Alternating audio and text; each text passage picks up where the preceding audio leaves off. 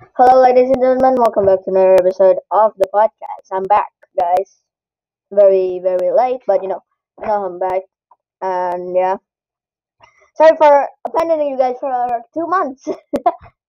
well, almost a month, uh, uh, half of a month. So, hi guys, I'm back. I'm still alive, but you know, if you want to um watch more of me, just go to Nick underscore Spice Octora to see my videos. I'm just gonna say that. I'm just this is an update. I'm still alive. And yeah, I'm gonna go make a school stories video next like I don't know. Tomorrow maybe, next week, I don't know. So yeah. It's a forty second. So yeah. Bye bro. Bye guys.